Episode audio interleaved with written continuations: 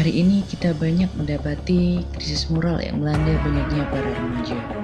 Kita melihat kenakalan remaja yang semakin hari semakin memprihatinkan seperti pergaulan bebas hingga berujung pada seks bebas, pemakaian obat-obatan terlarang yang terus dilakukan, tawuran sebagai ajang adu kekuatan, bullying, dan kenakalan remaja lainnya.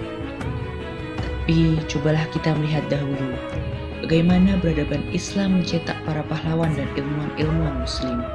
Dahulu ketika Usamah bin Zaid menjadi pemimpin pasukan muslim di usia yang sangat muda, yaitu di usia 17 tahun. Ketika Muhammad bin Qasim As-Sukofi memimpin pembebasan India di usia 16 tahun. Ketika Ibnu Sina menjadi seorang dokter di usia 17 tahun.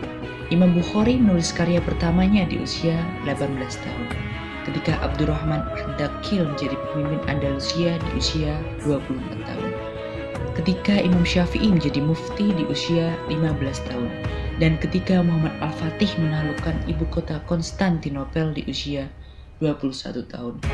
Itu semua karena mereka hidup di dalam pemikiran, perasaan, peraturan yang satu, yaitu Islam. Al-Quran dan As-Sunnah menjadi pedoman dan menjadi standar dalam perbuatan. Wajar apabila dahulu peradaban Islam sangat banyak mencetak para pahlawan dan ilmuwan muslim.